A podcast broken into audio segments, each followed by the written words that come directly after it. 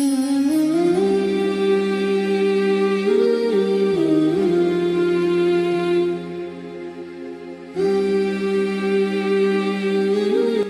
penting saya utarakan. Jadi ini penting sekali ya karena nanti sampean senajan to murid kula murid mbak murid bapak nanti murid nabi nanti ketemu mungkar nakir itu tidak bisa kecuali kamu punya kemapanan logika. Jadi taklid itu udah bisa.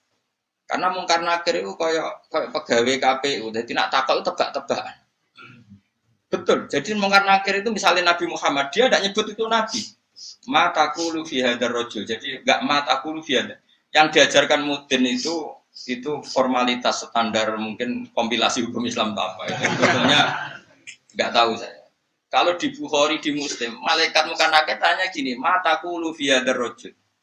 Bagaimana komentar kamu tentang hadar rojul? Bukan Nabi ini Lelaki itu siapa? Padahal maksudnya lelaki itu adalah Rasulullah SAW. Tapi supaya pertanyaannya lebih sulit, coba kamu komentar lelaki itu siapa? Terus di situ di Bukhari diterangkan fa'amal munafik, fa'amal murtab.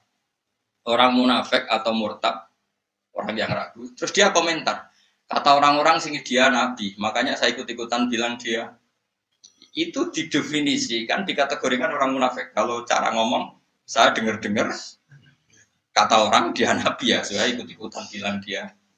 Wah itu diantem ya malaikat. Nah, terus kata-kata Imam Bukhari di dalam riwayat. Fa'amal mukmin awil mungkin orang mukmin atau mungkin mungkin itu yang keyakinannya benar karena rawinya sakit ya salah dalam ilmu hadis seperti. Fayaqulu dua Muhammadun ja'ana bil bayina wal huda fa'aman nabihi wa Kata-kata bil bayina. Orang itu tuh, orang itu adalah Muhammad. Dia nabi yang datang ke kita bil bayinat dengan bukti yang begitu jelas. Mana nih bayinat wal huda dan membawa petunjuk. Misalnya begini, ini yang saya alami. Kamu boleh copy paste, boleh ngeblak pikiran saya, tapi saya tidak menjamin mungkar nakir mengasisi, karena syaratnya harus dari pikirannya sendiri. Tapi kita warai kerap yang aneh, loh. Misalnya begini, ini saya dan saya tanggung jawab sampai ketemu Allah. Aku roh kanjeng Nabi nak Nabi itu mereka ajaran sholat. Saya, loh. meskipun saya tentu sudah iman dengan barokahnya Quran, hadis, guru-guru kita, kita sudah iman. Tapi aku roh Nabi nak Nabi tenan itu gara-gara sholat. Yaitu Nabi ngendikan as-sholatu imaduddin, sholat itu cagai aku. Coba kalau dia seorang raja, ngapain menjadikan orang dikon sujud ning pangeran, dikon rukuk, dikon happy be pangeran? Itu satu, as-sholatu imaduddin.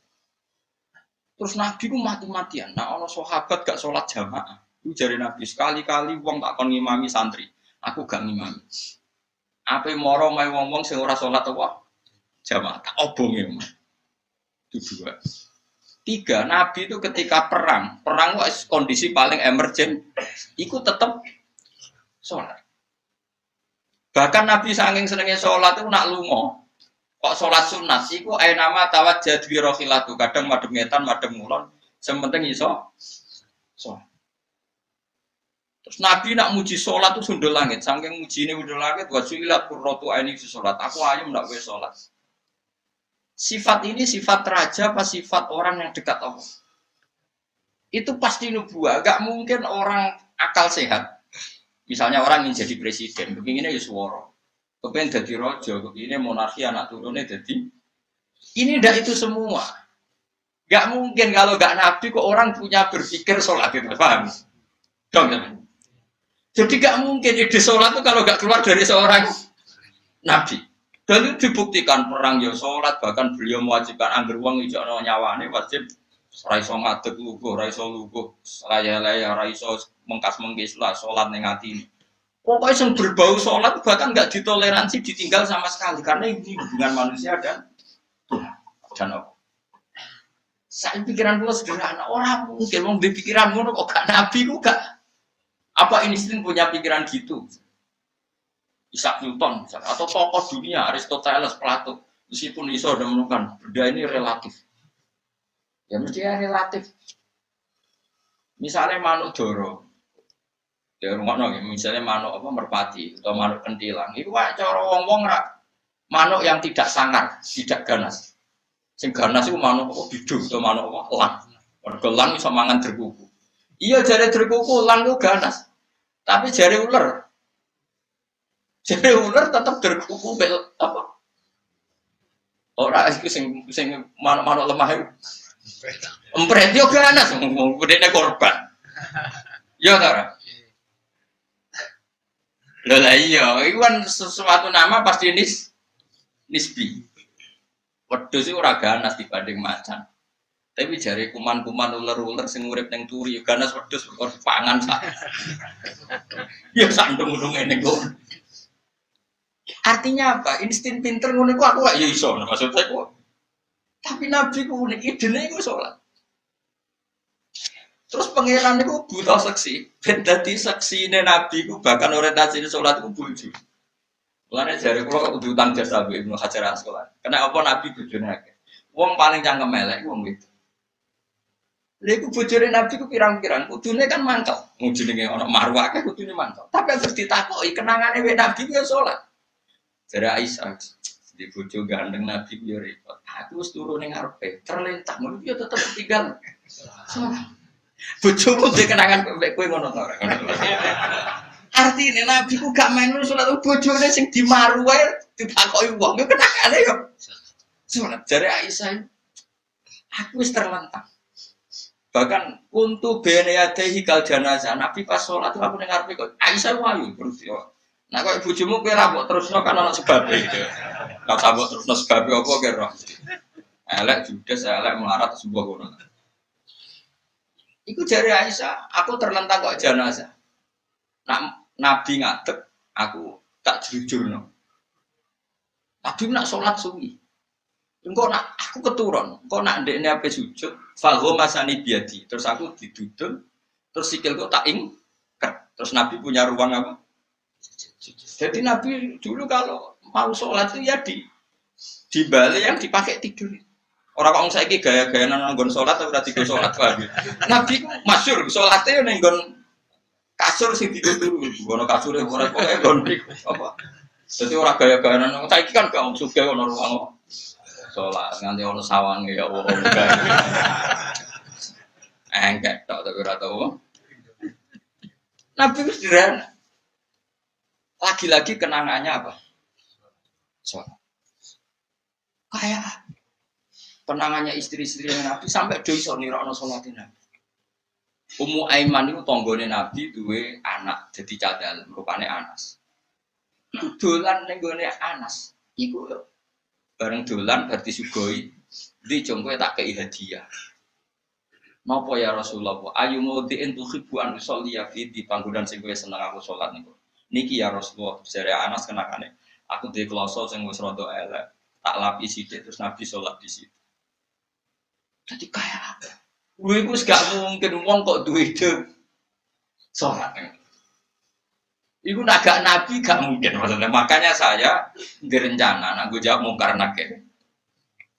Hak sing kopi pikiran dewi bukti nak Muhammad itu nabi kok di antara nih. Makanya gue ngerepek ya oleh oleh ya orang pokok ini. Cuma saya tidak tahu apa mungkar nakir menerima kerepean mau.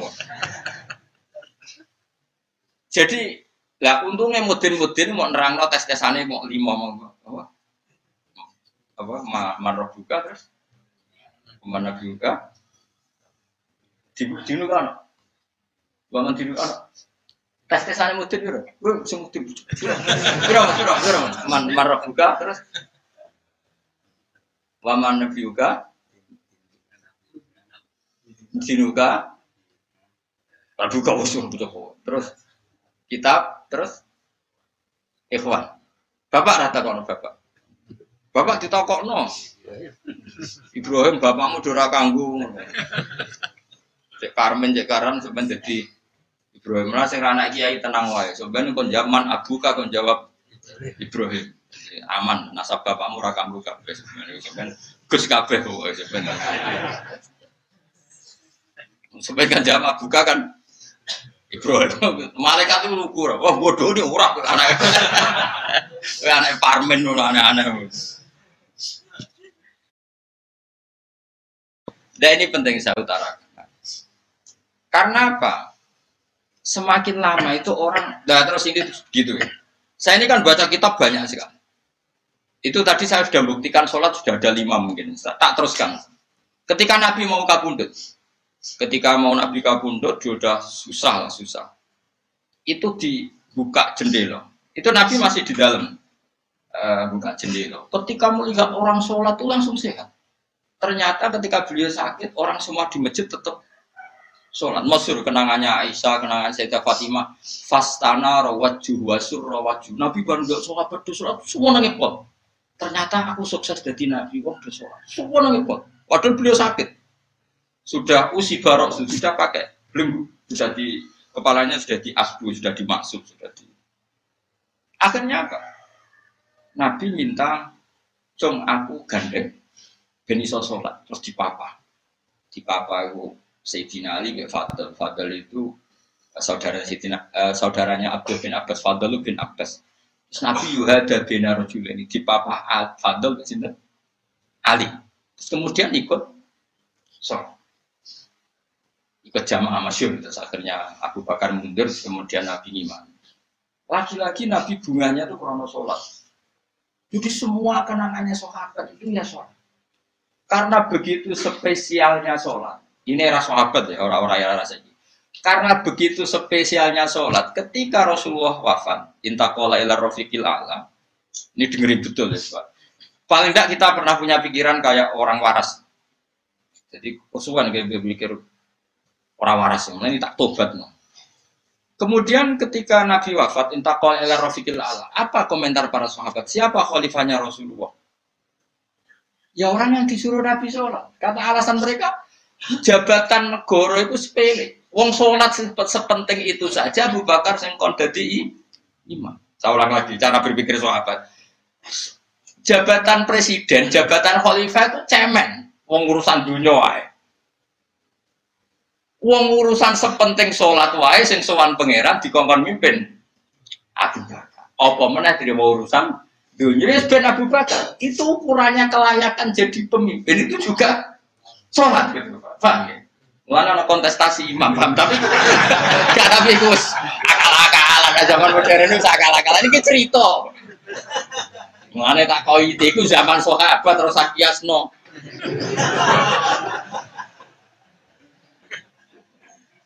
Ya, tapi zaman pernah dengar kok, ketika sahabat milih Abu Bakar alasannya apa?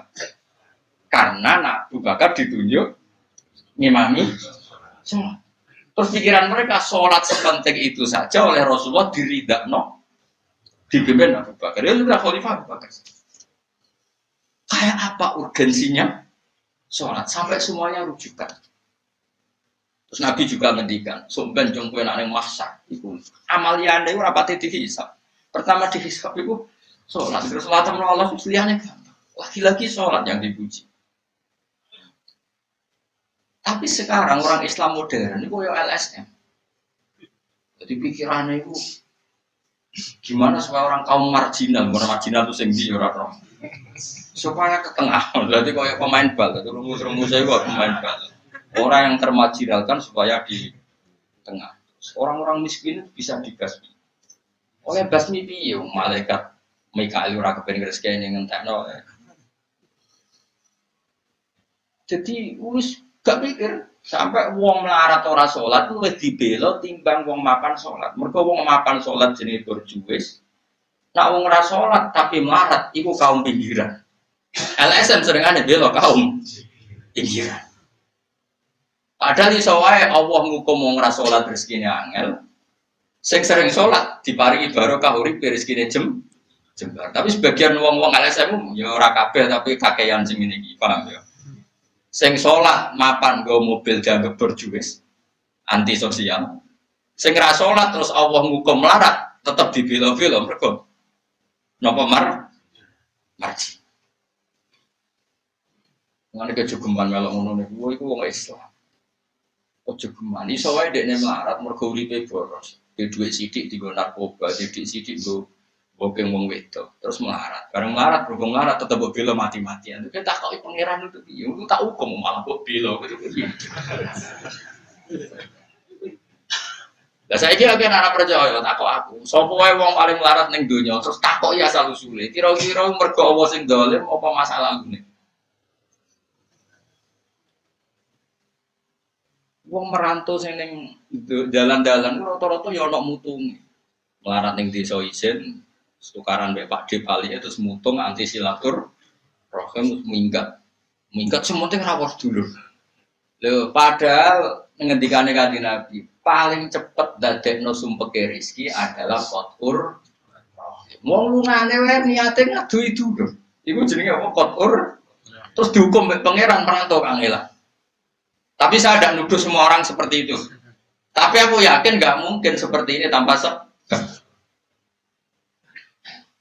Tuh bela-bela nih. Mereka kue mau dekok itu marginal berjuis, apa? Marginal. Kalau pikiran ini terus, nanti kita kayak zaman PKI kan. Saya itu punya kenalan gus-gus banyak di Kediri, di Madiun, di mana-mana. Itu dulu PKI Madiun, PKI Kediri, PKI mana-mana di daerah sana itu. Mantel kiai dari kiai udah koyok bos berjuis. Santri yang kerja ngurmat apa kebon. Kiai ini ada ngotong ngotong ngomah untuk setoran. Jadi nganggep kiai koyok ketua geng. Mereka kiai ini ngomah ngomong mulan. Santri ini ngurusi kelapane, ngurusi panenane terus disetor Nah, makanya darah kiai itu ketua. Oke. Terus yang dia dia bilang kau mau marah. Kau marah itu bukan ngelak. Akhirnya gerakan sama rata sama rasa. Itu korban pertama PK. Mereka dia ora ibadah. Jadi uang sing diparingi jebar kayak pulau ini kan mulang. Terus rukin salam template. Jaga kok ketua preman terus setoran ngono. Yo mati yo jadi wong bingung kabeh diprovokasi ngono iku yo. Akhirnya pertama yang dilibas PKI yo kiai perkara ini provokasi ini mulai. Oke agak anak kiai aku anak kiai putu nih kiai itu terus cerita. Padahal kiai kiai itu makan mergo barokah wa takilah Allahu makhraja. Mesti orang orang wong takwa orang diurusi pangeran. Kulo niku yo ora pati pinter pergawe tapi yo kerupat ya pangeran. Umum yang kaji kulo yo kaji. Umum yang Pak Rabi yo rabi. Cara aku butuh wae untuk akeh ya. Cuma yo. Pokoknya gampang kabeh cara gelem. Cuma iki kan jogo toleransi. Sampai wong ora payu-payu itu. Saya tuh pernah itu ngisi seminar di Madura di Bata-Bata di sana. Pondok paling besar di Madura namanya termasuk pondok paling besar itu Bata-Bata sama Gus Yofur. Itu cerita gini, Gus kalau di sini orang alim, oh kalau ingin nikah gampang, dikasihkan, masih dikasih uang sama calon mertua. kalau anda ingin, Nanti pulang bisa bawa langsung.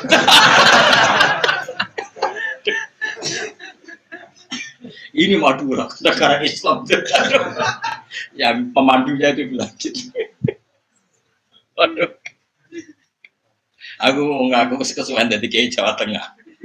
Kesuwen ratau roh ngono itu. Jadi kaget tuh, masa gitu ya. Itu ada benderanya lagi.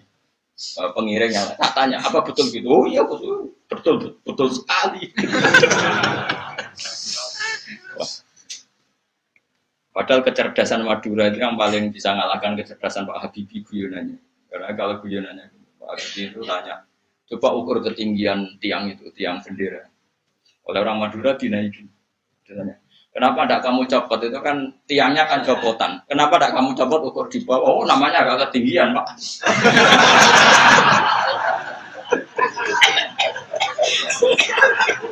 Makanya guyonannya, ya itu guyonan. Nabi itu belum pernah debat kalah kecuali ngadu orang.